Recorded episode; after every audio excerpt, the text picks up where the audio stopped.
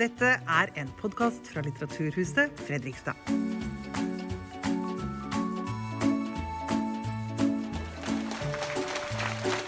Vi skal altså tilbake til høsten 1940.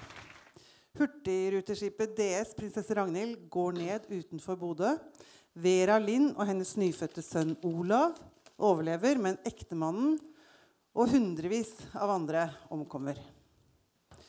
Og så, 80 år senere, tar Vera livet av seg. Det handler om sannhet. Men hva var det egentlig som skjedde på denne hurtigruteseilasen? Det håper jeg vi får vite litt mer om.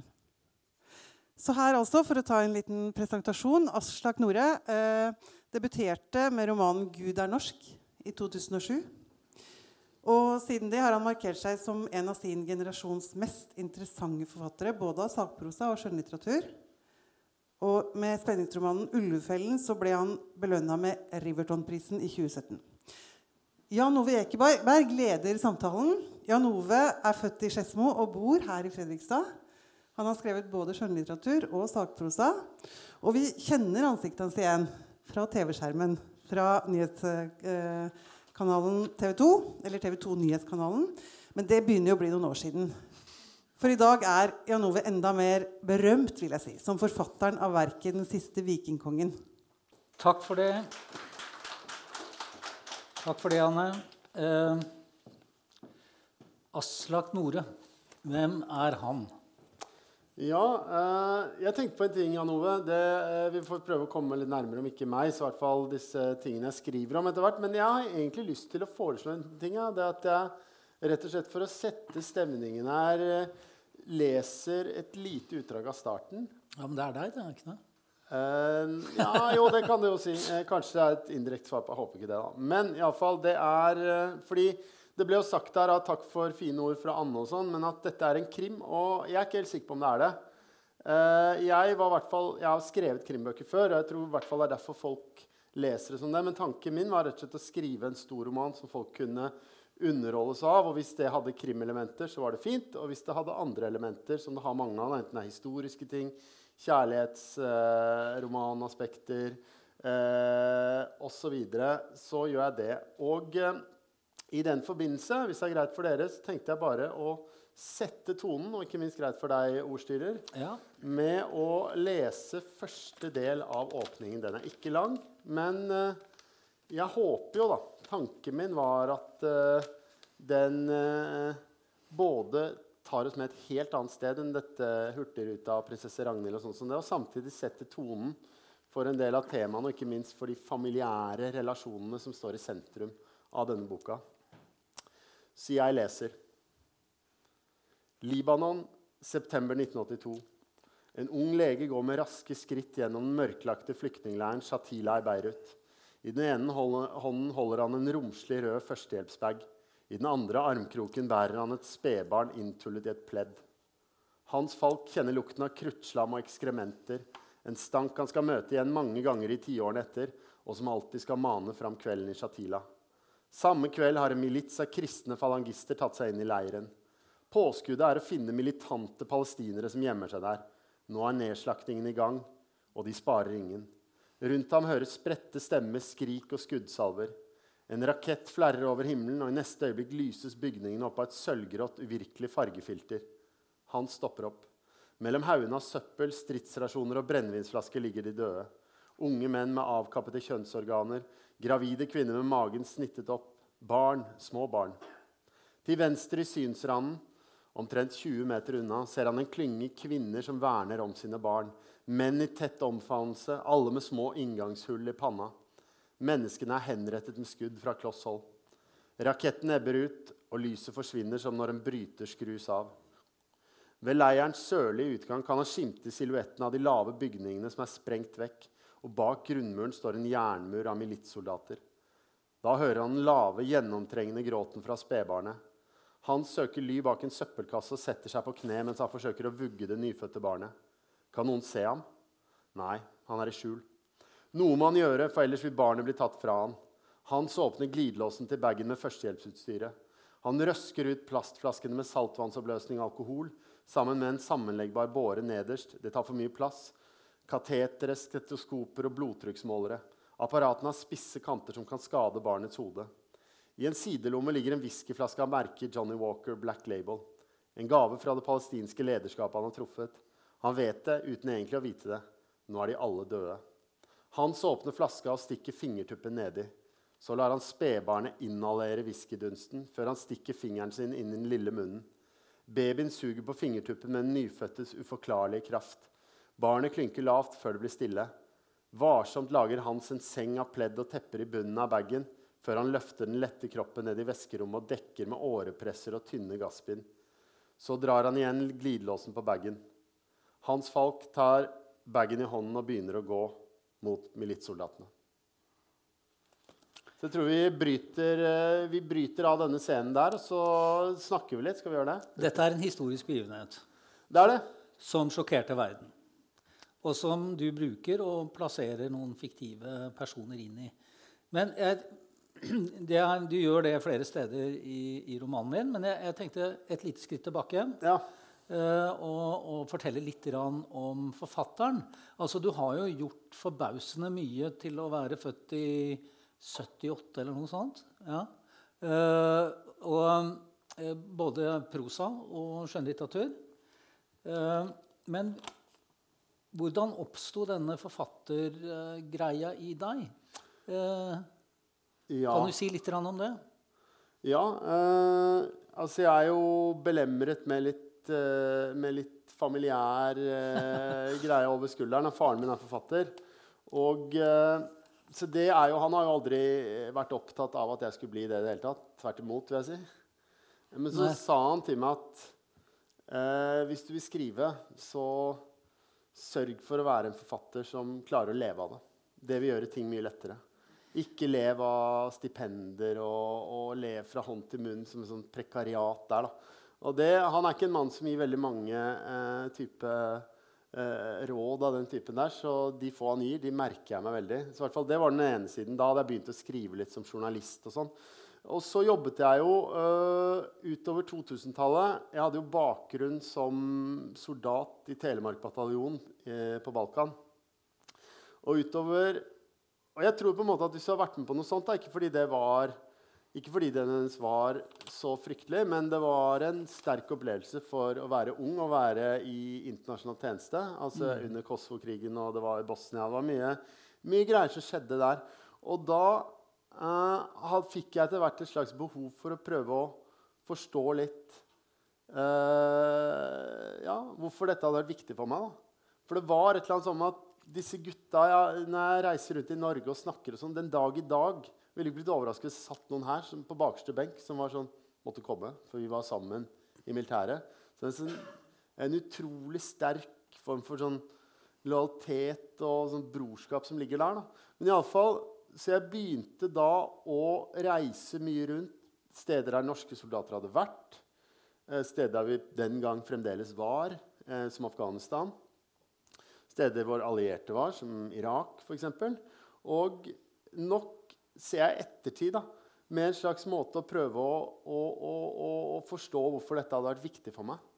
Eh, og det endte jo da eh, med den første boka, som egentlig er en dokumentarbok som heter 'Gud er norsk', og handler om norske soldater i utlandet etter krigen. egentlig.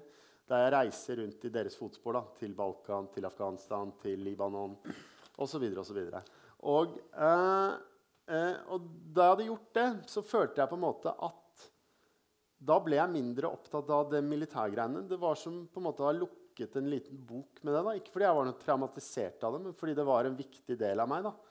Eh, men samtidig, når du er ute på farten på den måten her, da, hvis du står i en bar i Afghanistan eller i Beirut eller Finnes det bare ja, i Afghanistan? Ja, ja, ja, ja definitivt. Altså, Inne i militærleirer? Nei, altså på sånne gjestehus og sånn. da, vet du. Ja, ja. De er jo ofte eh, spennende steder. Det er mye raringer du møter. Og poenget mitt da, er at et sånt sted så vil du veldig ofte treffe på folk som forteller deg ting som de ikke egentlig kan fortelle deg, som er under taushetsplikt. Mm. Altså det være seg hemmelige operasjoner, eh, det være seg eh, ting som handler om spionasjens verden. Altså rett og slett de gråsonene vi vet foregår rundt omkring i verden. Men så er det sånn at det de gjerne forteller over en øl på sånne steder, det er ikke noe du kan skrive om, for enten så vil ikke de stå fram, eller fordi det er, du risikerer eh, å få problemer hvis du skriver om det selv, fordi det er hemmeligstemplet informasjon. Og da gjenstår det jo én eh, mulighet. Og det leder meg tilbake til det du spurte om, eh, Jan Ove. Ja. Nemlig eh, Da kan man eh, gjøre det som ingen i verden kan eh, hindre deg å gjøre, nemlig å dikte.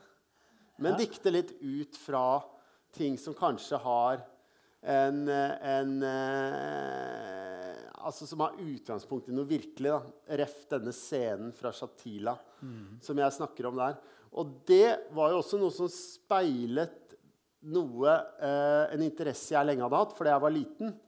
Og lå hjemme på gutterommet så leste jeg masse bøker om Altså Jeg elsket bøker om spion, altså Carl Hamilton, altså den type ting. ikke sant? Og jeg digga eh, bøker om sånne eventyrere som dro ut i verden og, eh, og opplevde det ene og det andre og fikk eh, indianerprinsessen til slutt, da, for å si det litt politisk ukorrekt i våre dager.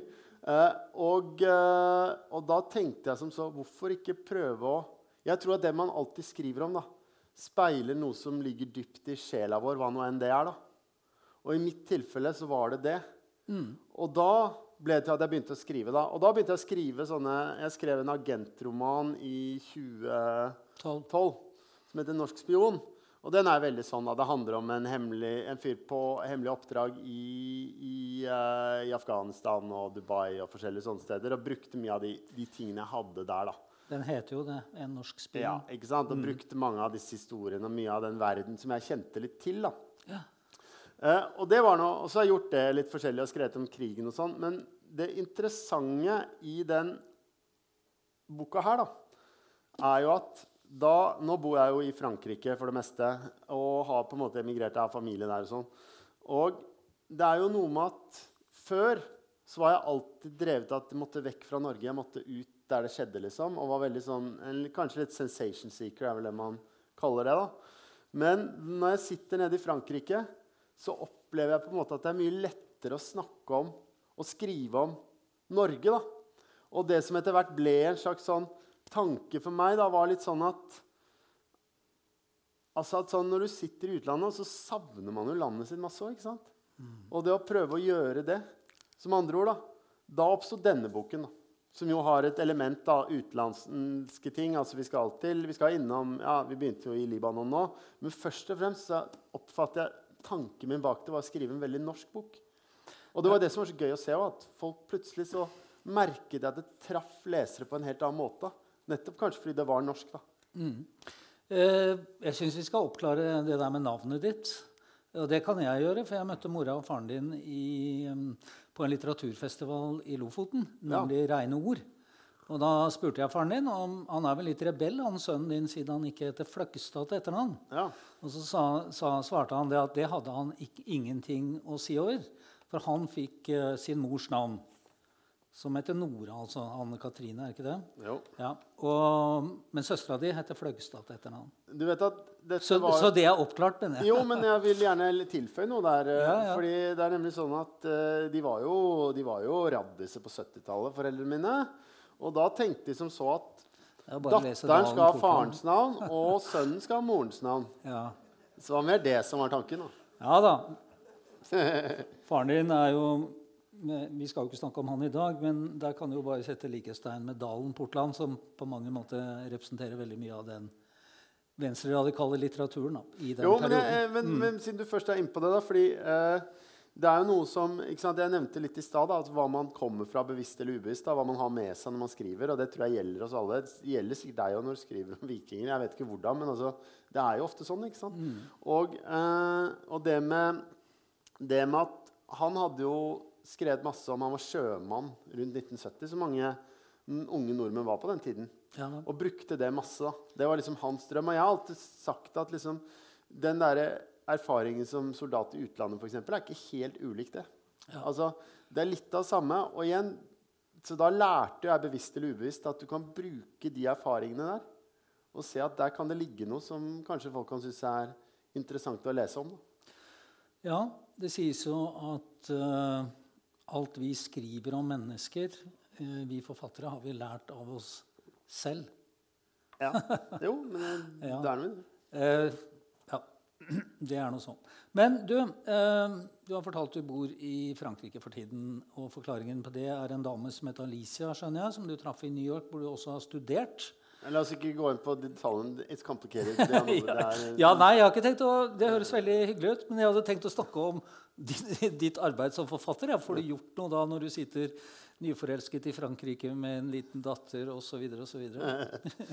Ja, tvert imot så vil jeg si du får gjort mer, faktisk. Fordi Ja. du har jo, man har jo mye færre venner og kjente i et annet land, da, nesten uansett. Ja, hvordan er det med fransken? da? Snakker du Ja, er mer enn t'aime, mener jeg? Ja, nei, eh, det, det gjør jeg nok, ja. Jeg kan fransk. Men jeg lærte i voksen alder. Men Aslak, du er en veldig travel mann. Du er jo også redaktør i Kagge. Du, du har i hvert fall vært veldig aktiv i en blogg som heter OP5, sammen med Asbjørn Slettemark, som handler jo om spenningslitteratur, da, film, TV-serier osv. Hvordan ser dagen din ut i øyeblikket? Nei, den, den er ikke så veldig stressende, den. altså. Nei. Den er øh, jeg, altså, Fordi hvis du spør om sånn, hvordan en forfatter jobber, da Jeg vet ikke hvordan du jobber, men for min del så er det ikke sånn at Det handler ikke om at du må ha sånn Det handler ikke om å være så forbanna disiplinert på et sånn minutt-til-minutt-stadium. Det som for meg hele tiden har vært viktig, da, er at hvis du har ilden i hjertet ditt, da, hvis du på en måte ser at 'jeg skal få til noe', jeg, skal, eh, jeg, skal, eh, jeg har en bok som jeg vet jeg må bli ferdig med, da klarer jeg det. Og så kan jeg godt ha dager der jeg soser rundt som alle andre. Er det det- fins mange folk som er mye mer effektive enn meg på den måten. Men jeg vet at jeg har ønske om å gjøre det. Og fordi jeg har det, og etter hvert litt erfaring med det, og kanskje litt selvtillit på det, så skjønner jeg at ja, det kommer jeg til å bli ferdig med. Så det er det viktige. Og så er det sånn Uh, Og nå er det jo litt sånn styrete med disse, at det skal selges til alle disse landene solgt til og sånne ting. Så det. det er en del ekstra, det er litt jobb med sånne greier som det. Ja, det gikk jo veldig bra i fjor, men stort sett så er det veldig lurt å dra til utlandet. Da får du mye mer tid. Dagene har mye mange flere timer. Ja da. Nei, det er, det er mye skjemaer og, og styr med, med sånne ting òg. Men uh, du har jo allerede vært inne på det. Eh, men eh, vi kan jo bare understreke at du er over middels opptatt av krig. Ja. Eh, det kan man jo si kanskje om meg òg. Men du har altså da eh, verneplikt i Telemark bataljon. Og du var, i, er det, var det ikke SFOR det het i Bosnia? Det er riktig. Ja, jeg var der faktisk som journalist. Du var det? Ja. Ja, ja. Og norske, styrker, norske og også amerikanske styrker i Afghanistan og Irak. ja. Ja. Hvordan spiller det inn på forfatterskapet ditt i dag, den erfaringen du fikk gjennom Jo, la oss si eh, mildt sagt litt spesielle jobber du hadde der? ja, det ene sa jeg litt om, da. Altså det er Ja. med de historiene du får høre. Men det andre kanskje er at Brorskapet? Ja, eh, og det er en ting, men hvis jeg kan legge til en, en ting, da, så tror jeg kanskje at en av de tingene som jeg har vært opptatt av, er på en måte litt sånn Norge i verden og verden i Norge. Og verden i Norge da, gjennom på en måte hele der ideen om hva skjer når samfunnet går fra å være ganske, med visse unntak, ganske øh, homogent og etnisk homogent og sånn som det, til å bli et multikulturelt samfunn. Det er skrevet masse om. Eh, uh, og det handler jo om på en måte da verden som kommer til Norge på et vis. Men samtidig så er det også noe med at Norge som er i verden Og eh, i det så er det jo sånn da at vi er jo en fredelig nasjon. Vi er um, kanskje en fredsnasjon, i hvert fall i egne øyne. En nasjon som har lange tradisjoner med å sende folk, enten det er misjonærer, til Afrika, til andre steder, for å rett og slett eh, for å spre eh, de tanker om hva et godt samfunn er. da som er vårt eget. Og det ligger nok under en del av de utenlandsoppdragene som Norge har gjort militært, og faktisk, særlig de i FN-regi. Mm. At de har vært knyttet til hele eh, sånne ting som det. Så jeg har alltid brukt det å være i utlandet på den måten som en måte å prøve å fortelle noe om Norge. da, Og, og i tillegg til å fortelle om de stedene man er, men også fortelle om hvordan former det oss på et vis. da. Og det har vært, eh, det har vært, eh, det har vært spennende. Og så er det jo veldig forskjeller. fordi eh, stort sett så har jeg lært at det når du er i utlandet som journalist, selv når du er i et ganske farlig område, så er det stort sett farligere når du ser det på avstand. når du er der. Verden er nesten alltid lokal, og verden er nesten alltid mer nyansert enn det du får inntrykk av. Men så er det noen steder. da, det er jo uh, for eksempel, Jeg var en gang med amerikanerne i Bagdad. Det var i 2007. Og da, da var det ganske uh, ubehagelig der. Altså. En ting er det at du er, du er hele tiden sånn du, er, du, du kan ikke bevege deg noe fritt du er underlagt deres sånn embedding, sånn heter, altså at du er innrullert med styrkene. En annen ting var at Det var rett og slett mye farligere der. Da. Mm. Det var sånn, Første dagen jeg var med de amerikanerne i Irak, så døde tre av gutta i en bombe. Og det var da, det var da flere enn alle nordmenn som på det tidspunktet var døde i Afghanistan. Det var bare sånn, ok, sånn, Det hører med. Og det får deg til å tenke litt. da hva, eh, hva, vårt land er. Ikke bare sammenlignet med Irak og Afghanistan, men også sammenlignet med eh, land som kanskje har en annen syn på det å miste menneskeliv, og sånn, som f.eks. USA. Mm. Du skrev to dokumentarbøker først for å bearbeide eh, eller for å bruke den kunnskapen du hadde oppnådd gjennom det vi har snakka om nå, da, 'Gud er norsk' og 'Ekstremistan'. Ja. Det, var det på en måte noe du følte at du måtte bidra med? Hva tenker du om Norge og Norge som deltaker i utenlandske kriger? Stort sett etter uh, USAs uh, ønske? Jeg har nok beveget meg ganske lenge. fordi Da jeg var i, i Bosnia i 1999, mm. da så jo verden helt annerledes ut. Det var før 11.9. Det var før ja, alt. Og, og uh, da mente jeg Altså, da var jeg der fordi det, jeg var ung og syntes det var spennende. og, og kameratskap og alt det. Men det var også, lå et slags moralsk argument i bånn der òg. At det vi gjorde da, var noe bra. At å intervenere i et annet land, i dette tilfellet da Bosnia, for å stoppe krigen som pågikk, og massakren som pågikk der, at det var bra. Med andre ord at Vesten ikke bare hadde rett, men også en slags moralsk plikt til å gripe inn i andre, andres kriger. Da. Og det mente jeg da. Og det var veldig opptatt av da også, se, også utover 2000-tallet. Men der har man jo sett, da, med, etter den verden som kom til syne med, eh, etter 11.9. og krigen mot terror, og disse tingene her, at de tingene Der var nok jeg og flere med meg litt naive. da. Vi trodde at dette var, eh, at det var så enkelt. Men når du har sett hva slags ting det medførte, da, spesielt i Irak kanskje altså at sånn at Vesten hadde ikke den moralske pondusen til å kunne gjøre noe sånt. Da. Tvert imot så så man at det bare medførte nye problemer hele tiden.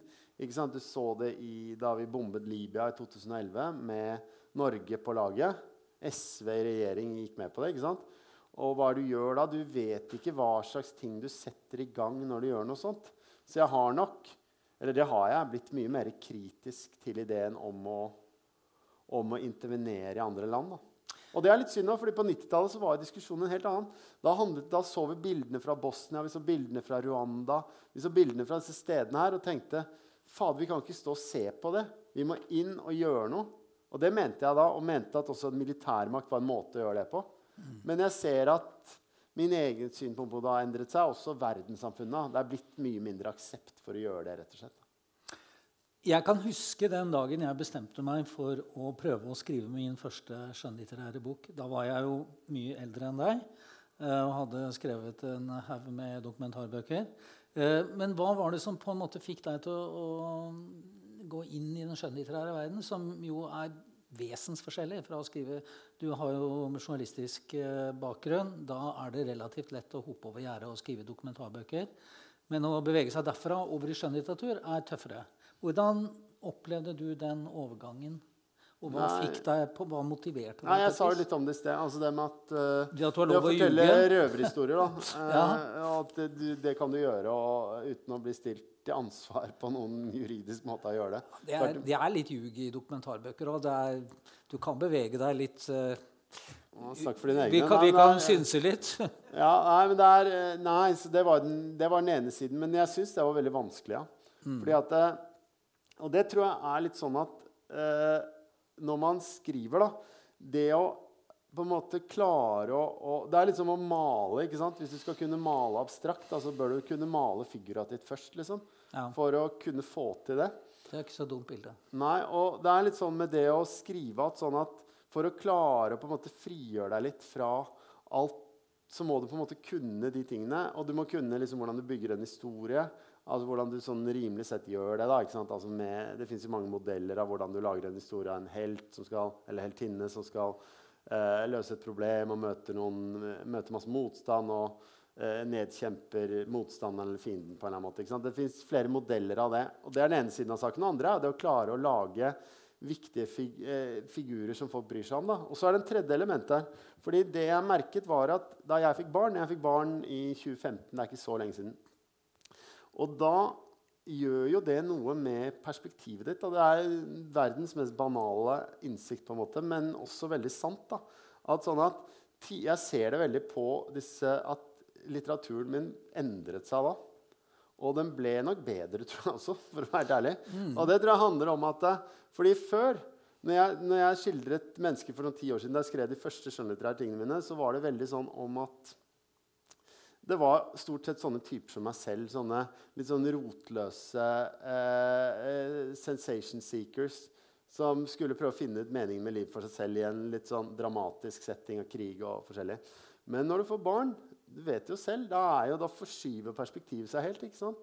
Og da blir ting helt annerledes. Og eh, det gjør også på en måte at ikke sant? Da stirrer du på en måte evigheta inn i hvitøyet når du ser barnet ditt første gang. Og alle de tingene der. Og det gjør et eller annet med perspektivene. Mm. Og det er litt sånn, det leder meg i hvert fall jeg vet ikke hvordan du hadde tenkt, men det leder i hvert fall meg over på, på denne her. da.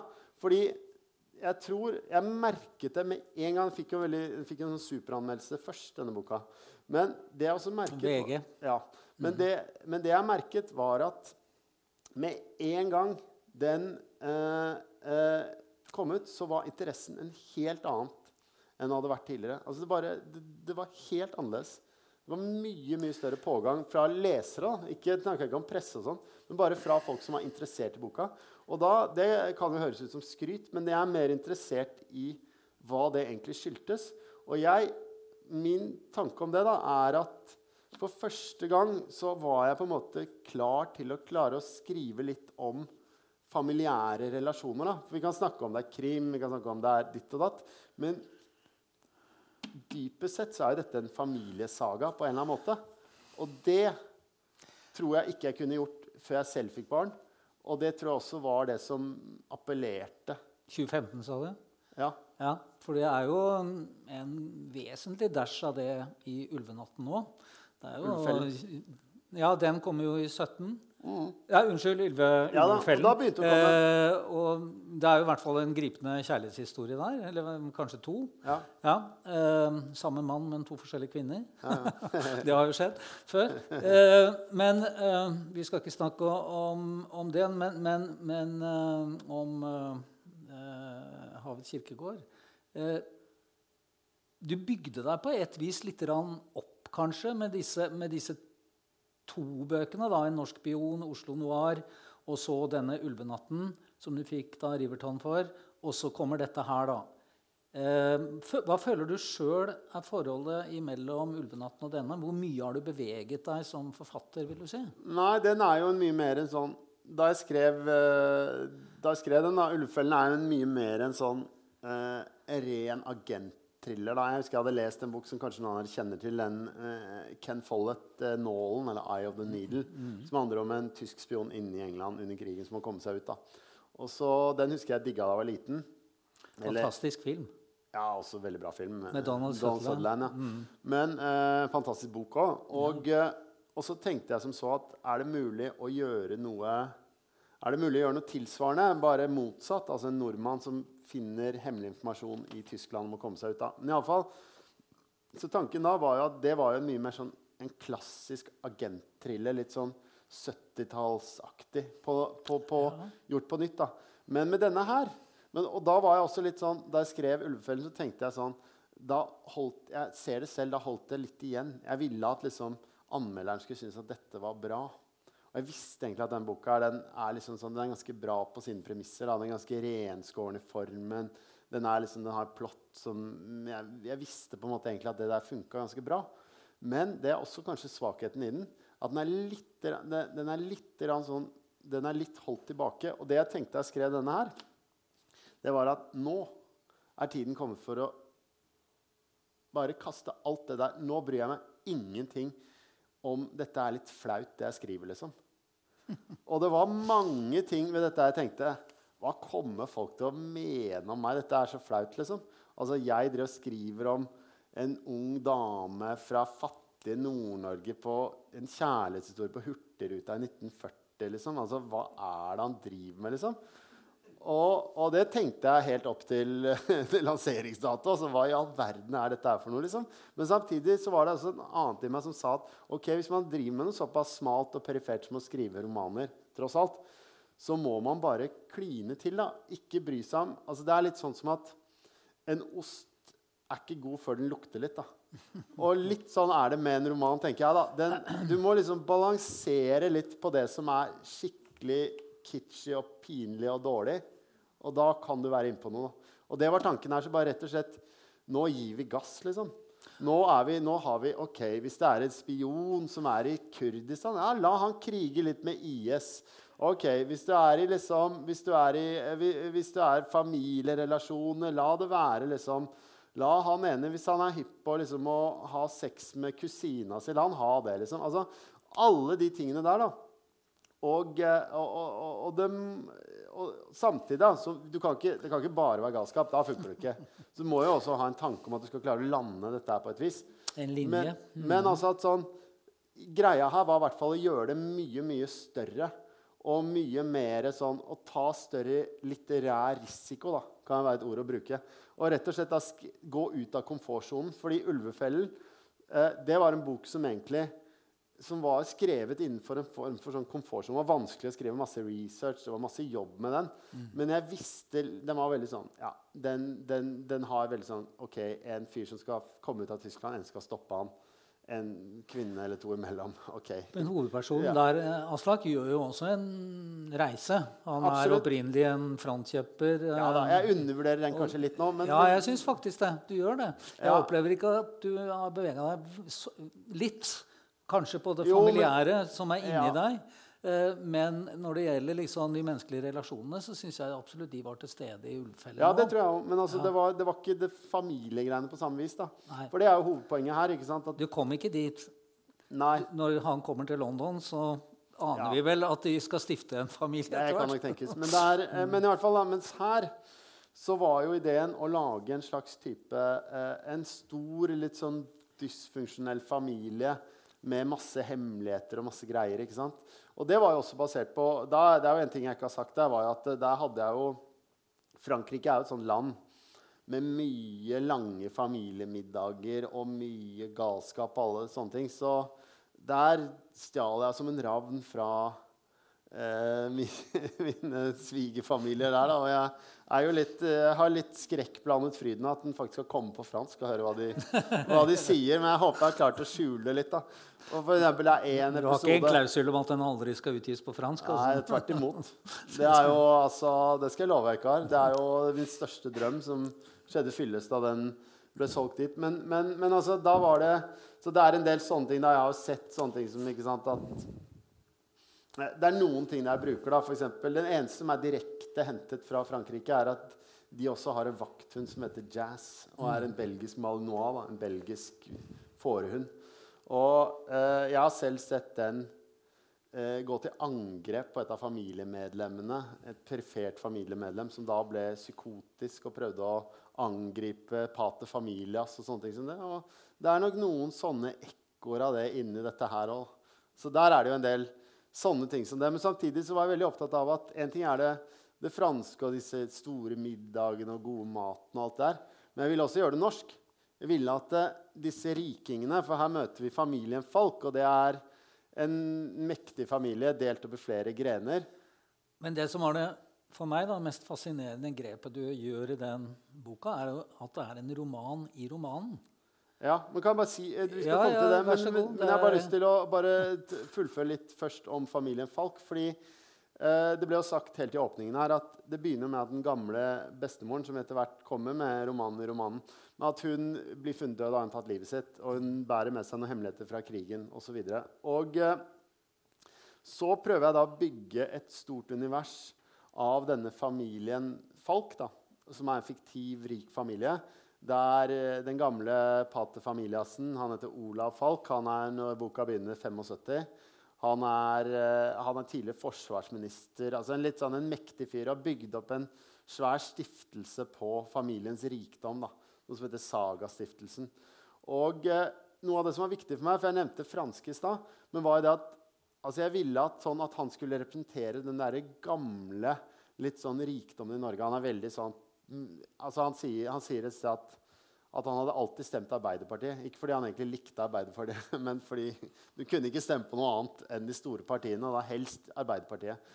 Så han var liksom en sånn type som var opptatt av makt og innflytelse. sånne greier som det. Og så, eh, og så, er jo han også målbærer av den offisielle historien både om sin egen familie og om landet. Og det er den da, som etter hvert begynner å komme.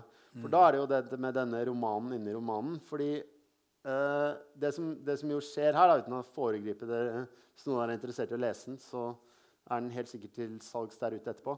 Men det som er, det som er greia, da, er jo at i den, eh, i den eh, i, eh, i denne familien da, så kommer det ganske fort for en dag at den gamle bestemoren, altså Vera, som hun heter, hun har, hun har en hemmelighet som hun aldri har fått ut. Hun har bl.a. Hentet sitt eget testamente samme dag finner ut da, som hun tok livet sitt, og ingen vet hvor det er blitt av. Og det kommer også ganske tidlig for en dag at testamentet sannsynligvis bare er en eh, Det er ikke det det egentlig handler om. Det det egentlig handler om, er at hun har skrevet et, et, et manuskript men det er et testament òg? Ja. Men, det, men uansett, da, disse tingene blander seg litt i starten. Mm. Og så, eh, så i alle fall, da, Det som skjer, er at, eh, er at, hennes barnebarn, som på en måte lojalt har fulgt opp om det at familien står uh, trumfer, lojaliteten trumfer alt, og hun bestemmer seg da at nå er nok er nok. liksom, nå skal jeg komme til bunns. Og da kan vi røpe såpass at man kommer til eh, dette manuskriptet som i, i Brokke fortelles. da. Som heter Havets kirkegård. Som heter Havets kirkegård. Og det er da en roman inni romanen. Ja. Og da er vi over på det du spurte om. Ja, det var, var, ja. det var et veldig fascinerende grep. Eh, som jeg tror eh, jeg ikke har sett før. Hvordan kom du på det? Nei, altså, Det fins, det. altså. Hvis du, Noen av dere i salen har kanskje lest uh, 'Vindens skygge', f.eks. Det var en bok som inspirerte meg veldig her. og det er jo... Spansk forfatter, det. Ja, ja. Den har jo, Der er 'Vindens skygge' en roman inni romanen. Og jeg har alltid vært veldig svak for det. Jeg synes det hvis du klarer å turnere det, så mm. gir det meg en sånn type følelse at denne boka har jeg lyst til å være i. Liksom. Altså, hvis det handler om et, uh, et, uh, et, et, manuskript. Og så er det jo sånn at, Og så er det Så da tenkte jeg så at, at men, her ligger jo, unnskyld, men her ligger jo løsningen på gåten i, på en måte i romanen i romanen. Ja, og, absolutt. Mm. Så det er jo, altså, for Skal noe sånt funke, da, igjen dette store, liksom, litt sånn sprikende universet som jeg har prøvd å skissere opp fra, fra, scenen her nå Det er klart at Hvis det bare gikk i alle retninger, så ville jo det blitt det rene kaos. Nei, og tanken her er jo at rett og slett at vi følger etter hvert. da, så følger vi, for det, det, jeg kan røpe om dette manuskriptet Jeg skal ikke si hva som skjer på slutten, og sånn, til dere som er interessert, men det jeg kan si, er at uh, er at vi følger Hurtigruten noen skjebnesvangre dager i 1940 oppover. For det gir en slags sånn geografisk komponent at Hurtigruten begynner med Bergen, og så går den nordover. ikke sant? Det gjør den jo i virkeligheten òg. Og så vet vi da, vi vet det ganske tidlig, og så vet uh, man det historisk, at det var faktisk sånn at hurtigruteskipet 'Prinsesse Ragnhild' forliste utenfor Bodø i 1940. Så vi vet på en måte at den seiler mot, den, mot tragedien. Men på veien dit da, så skjer det jo en del ting som skal få påvirkning. Den, den historien begynner faktisk på min mors hjemplass Bessaker. Ja. Mm, den første seilingsdagen. Mm. Nei, men eh, ja, nei, jeg, ble mm, fascinert av det grepet. Det er en, det er en altså bare så det er klart, Jeg likte boka kjempegodt. Eh, og jeg leser ikke veldig mye krim. Det skal innrømmes. Ikke nå lenger. Har gjort. Leser en fem-seks kanskje i året. Men dette her var virkelig storartet, Aslak, så gratulerer med den. Uh, og jeg syns også 'Ulvenatten' var veldig bra. Ulvefellen. Ul Ulvefellen. Unnskyld. Jeg har skrevet feil manus. Nei, ja, Beklager. Uh, ulve, uh, ulvefellen. og det, det, Men det jeg er enig med deg i, er at det kanskje var en mer sånn formmessig knadd spenningsroman. Da, hvor mm. på en måte det var hva vi på den nye norsken kaller for en page-turner. Mens den her som du beskriver, peker litt i flere retninger. Og Jo, kanskje jeg- er litt mer av et familie-, et dynastidrama òg.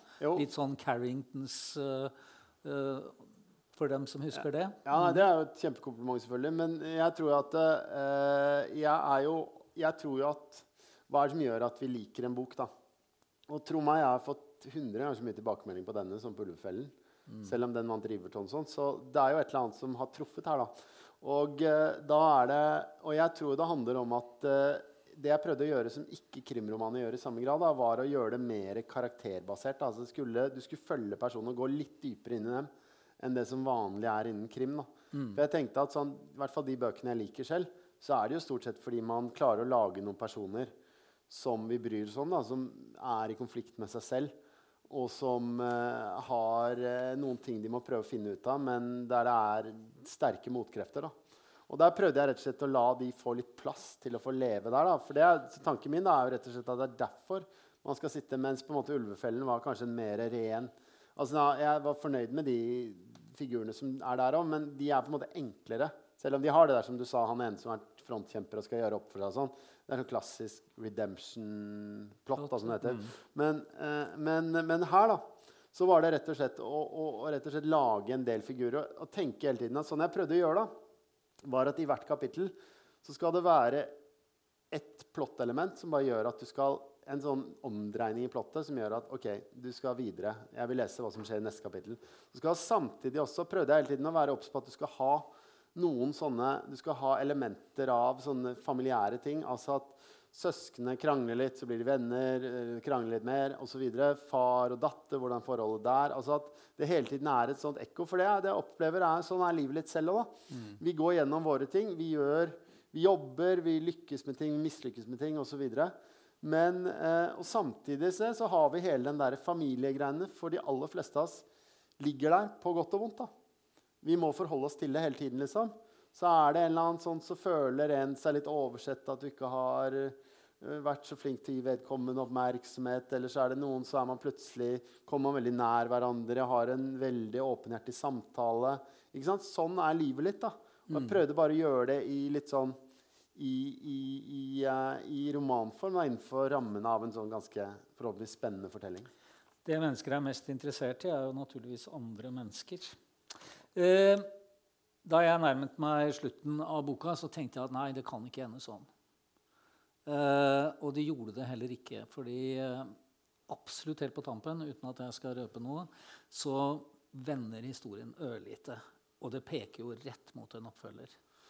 Ja, jeg vet ikke, Har du, har du, har du lest Song of Ice and Fire-bøkene eller sett Game of Thrones? Nei, eh, sønnene mine har flere Ja, jeg har sett Game of Thrones, men Ice of Fire ja, Sønnene mine Jeg har to som le, leser masse så, eh, eh, Hva heter det eh, ikke, ikke Altså Game of Thrones.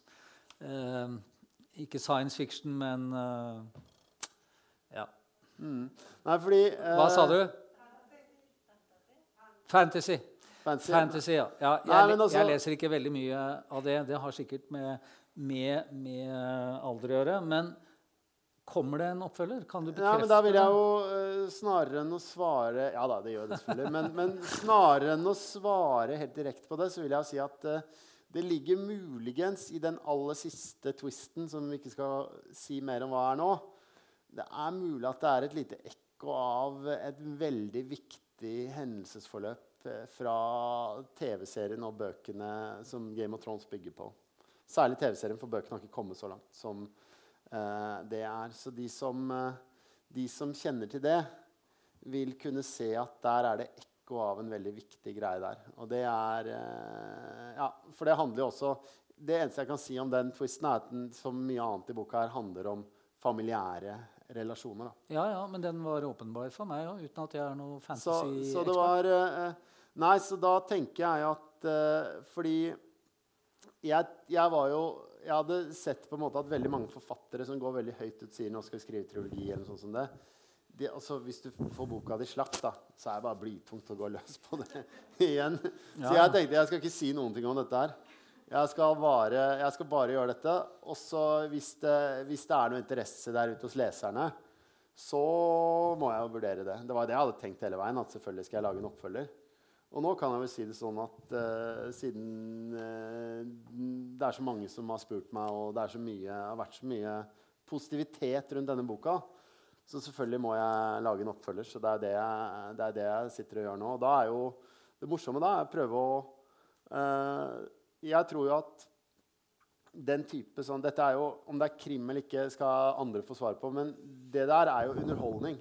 Og underholdning stiller jo noen krav til deg. Du skal uh, først underholde, men du skal også uh, du skal på en måte, Hvis du fornyer deg, så må du gjøre det ganske nennsomt, sånn at de som på en måte likte eller liker denne her, uh, skal føle at de blir ivaretatt videre, samtidig som du leder historien i noen andre retninger. Da. Det tror jeg du har rett i. Og det er akkurat det jeg jobber med nå. så Uh, ja, jeg, jeg, var akkurat i Finnmark, faktisk. Jeg tenker vel på at uh, kanskje no, bevege oss litt nordover. Jeg bodde i Nord-Norge da, liten gutt og sånn sjøl. -hmm. Jeg er veldig glad i den landsdelen.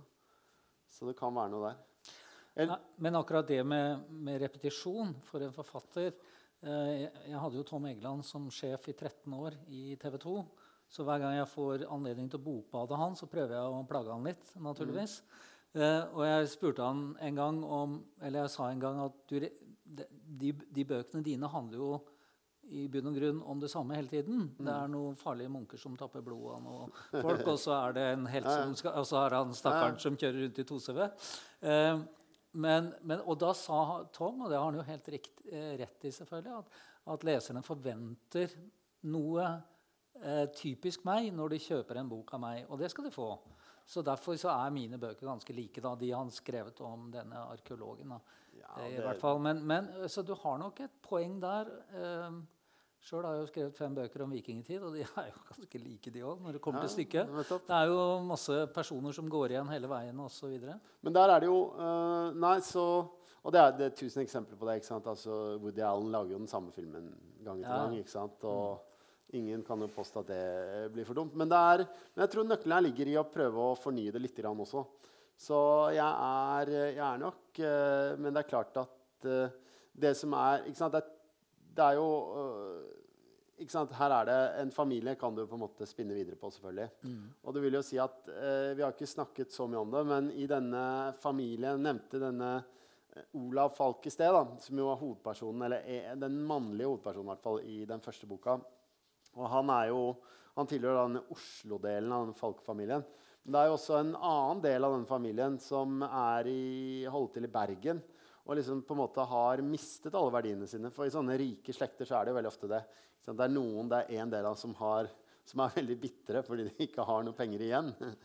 Eller, og det blir gjerne tumulter av det. da. Det kjenner vi mange eksempler på opp igjennom.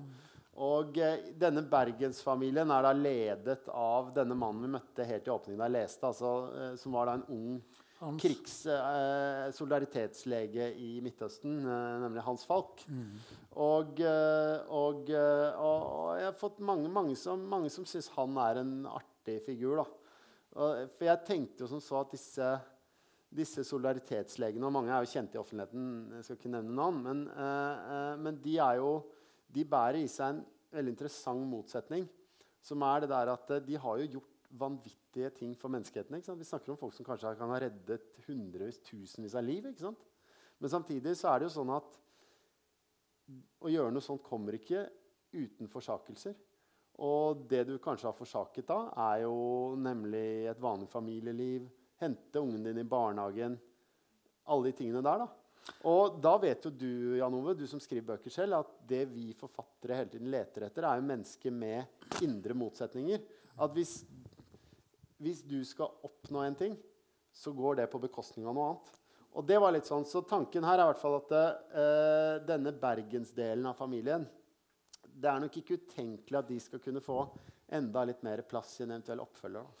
Jeg vil jo tro at Alexandra Falk også vil få det, som jo på ett vis er en kvinnelig hovedperson her, ved siden av den Absolutt. avdøde forfatteren av uh, Ja, fordi uh, Alexandra eller Sasha, som ja. hun kalles alle bortsett fra faren, uh, mm. hun, er jo, hun er jo, når boken begynner, en litt sånn litt kuet da, av faren sin.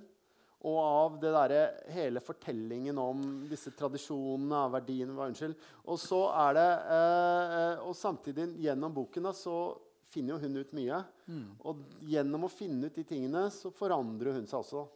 En annen fascinerende karakter der er jo Jon O. Berg. Jon Omar Berg. Ja, absolutt. Ja, han vil jo vel også være, og han minner jo kanskje litt grann om Aslak Nore, da, bortsett fra at han eh, Han er jo, en, han har jo Omar til mellomnavn. og Det er, jeg er sikker på også har det. Nei, jeg, husker Men eh, Aslak, nå har vi lovt publikum å lese på en måte ramme det inn med at Ja. du leser litt uh, Skal jeg lese? Jeg tenkte kanskje noen hadde spørsmål fra salen. Ja, det kan vi gjøre, men Da kan jeg lese i hvert fall bare den slutten på denne åpningen. Og som, eh, hvis dere husker hvor jeg var hen, så endte jo da, da med at denne Hans Falk, som vi nå har lært litt mer å kjenne, han, eh, han er i, i flyktningleiren Shatila. Det er en fryktelig ting som pågår. Og han, da, han, har, han har et lite barn som han går med i denne bagen sin, som han har gjemt. Eh, og eh, nå skal vi tilbake til den scenen og se hvordan det går. Libanon, september 1982. Militssoldatene stinker sprit på flere meters avstand. Heller det enn lukten av død, tenker Hans. De unge mennene har svømmende blikk, lommetørklær over nesa og retter geværløpene mot ham. Bak ham lyder flere skuddserier, spredte skrik, så stillhet. Vi har en pågående operasjon mot palestinske terrorister, sier en løytnant. Som utlending har du hatt muligheten til å forlate leiren før operasjonen begynte. Han tenner en sigarett. At du ikke har benyttet deg av den muligheten, indikerer at du selv tilhører de militante gruppene. Noen av de yngste soldatene de må være tenåringer til ladegrep og et truende skritt fram. Jeg har assistert under en fødsel, svarer Hans. Dagens spedbarn er morgenbladet morgen, ah, morgen, eh, dagens terrorister, sier løytnanten, som om han spytter ut ordene. Hvor er ungen? Hans merker at han svetter så mye i håndflaten at han er i ferd med å miste bagen ut av hendene. Et knyst fra ungen eller en gjennomsøking av bagen, og de er begge døde. Jeg vet ikke, svarer han. Det siste jeg så, var at fødeklinikken ble stormet. Hvilket land er du fra? Norge. Kristent land. Israelvennlig. Tette bånd. Svarer Hans. Løytnanten gjør en grimase med munnen og veksler noen ord med sidemannen. Så nikker han. Du kan gå. Hans trekker et sukk av lettelse etter at vi har sjekket bagen. Hva gjør han nå?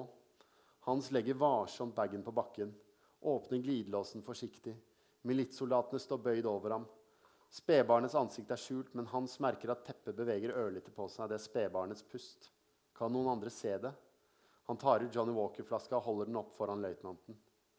Dere trenger brennevinet mer enn meg, sier han. Libaneseren gransker etiketten. Heldigvis fatter ingen mistanke. Offiseren river flaska til seg. Get lost, sier han. Hans Falk skjelver så sterkt på hendene at han ikke klarer å lukke glidelåsen. Han er vektløs og nummen mens han går spissrotgang mellom libanesiske falangister mot friheten og trøster seg med at hvis soldatene skyter nå, ja, da skyter de hverandre. Hans Falk kjører tilbake til hotellet. Samme hotell der han 25 år senere sitter i en mørkebrun Chesterfield-sofa mens en skygge av mørke glir over det selvsikre ansiktet. Hva skjedde med barnet? Sier journalisten. Jeg overlot det i andres varetekt. Jeg lovte moren aldri å røpe identiteten, og det er et løfte jeg tenker å holde. Men jeg håper barnet fikk et bedre liv enn henne. Tusen takk.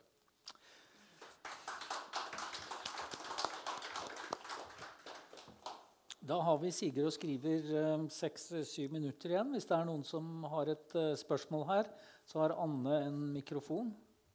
Kan bare spørre, altså, så tror jeg jeg klarer det. eh, foran der. Ja. Det går sikkert bra. Som en som har vokst opp med å se på Landet God hver dag, så har jeg jo, hadde jeg jo uten noe som helst forhåndskunnskap om det boka, så, så tenkte jeg ja, dette, her er det noe spennende. Ligger det noe i dette som ikke har kommet fram? Men jeg skjønner jo at det er brukt som en kulisse for å fortelle en roman. Men kan du fortelle mer om hvorfor prinsesse Ragnhild? Hvorfor ikke en av de Ja. andre båtene? Jo, men eh, jeg har lyst til å si noe om det. fordi uh, Det er et veldig godt spørsmål. egentlig, og, det er jo sånn at Når vi snakker om en sånn tjukk bok som dette med 1000 elementer, så er det bare mange ting vi ikke kommer innom. Men det er faktisk sånn at det uh, forliset der uh, spiller en, ikke bare en rolle som kulisse, men også har en reell handlingsfunksjon her. For det er nemlig sånn at Jeg vet ikke om du kjenner altså, Den offisielle historien om prinsesse Ragnhild er at man ikke helt vet hva som skjedde. Eh, man antar at den gikk på en mine, som man igjen da kan anta var en britisk mine. Nemlig lagt ut under operasjon Wilfred eh, i aprildagene 1940. Men så kommer, så kommer, jo saken som er at eh, Ja, hva skjedde egentlig?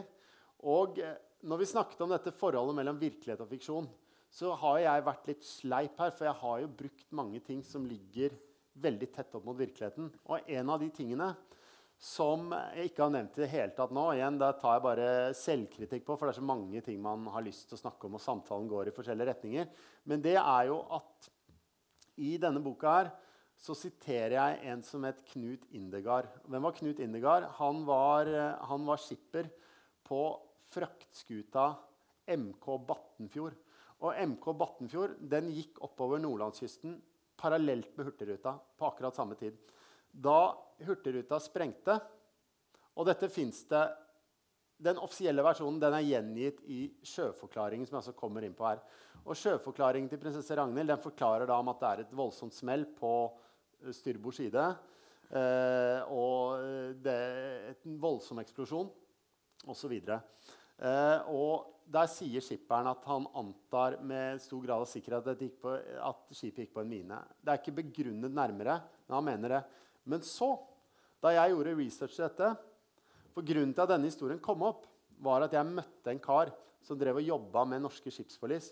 Og han hadde, eh, han hadde, snakket med han, snakket, han gjorde en sak på, M, M, på, på, på, DS prinsesse Ragnhild og dens endelikt. Og eh, så begynte jeg å gjøre researchen selv. Og noen av de jeg snakka med da, var noen sånne skipshistoriske nerder oppe på Nordmøre som et skipshistorisk selskap Nordmøre. Og de forteller meg interessant at du spør oss om dette her, for vi har jo faktisk en uh, lydfil av denne Knut Indegard, denne skipperen på MK Battenfjord. Og Indegard han forteller om, uh, om, hva som skjedde, og så sier han Nei, men skipet gikk ikke på en mine. Og intervjueren er hvordan kan du være så sikker på det? Nei, for jeg så at uh, bula på skroget var sprengt utover og ikke innover. Det mente han å ha sett. Og så kan vi selvfølgelig si Vet vi at han snakket sant osv.? Folk dikter opp mye rart i sine egne liv. Men han var en veldig troverdig kilde. Og hvem er vi til å sitte og overprøve en mann som faktisk var, en, eh, som var der? Og ikke bare var han der. Vi snakker om en ekte norsk helt.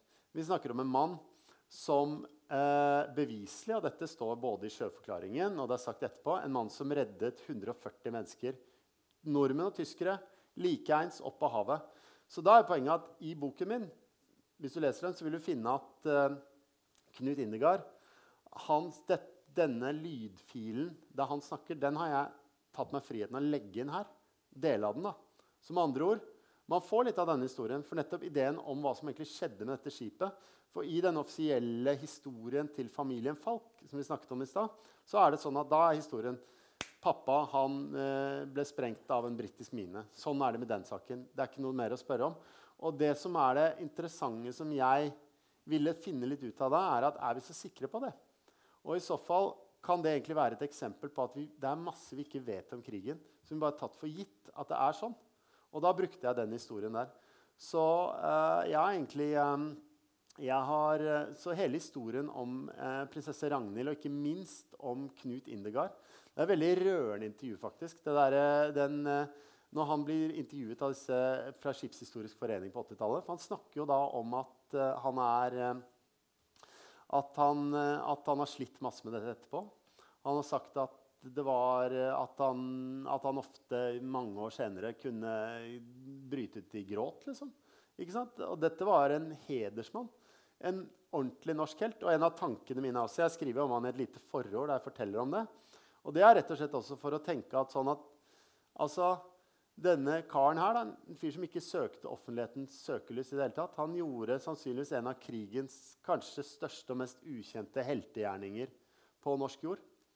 Så eh, sånn sett så er svaret på det du spør om, er at eh, prinsesse Ragnhild og Landegod det spiller en viktig rolle her. Og jeg merket også det. Da var jeg var i Bodø og, og snakka med folk der mange ganger. Og der merka jeg også det at hele denne I, i Sør-Norge og andre steder så er dette bare en, en perifer krigshistorie. Men der var det mye mer levende. ikke sant? Der var Det mer som det var folk som hadde hatt De huska bestemødrene som fortalte om at det fløt tyske uniformer i, i land ved siden av osv. Som andre ord, da, det var viktig både for å fortelle den historien og ikke minst også viktig for å fortelle en, kanskje en større historie både om krigen og om den kystkulturen.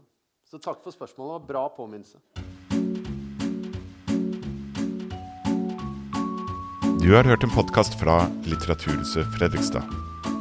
Vi er støttet av Kulturrådet, Fritt Ord, Fredrikstad kommune, Fredriksborg eiendom, Viken fylkeskommune, Sparebank1 Østfold Akershus, Verksted AS, Fredrikstad Energi og Handelsbanken.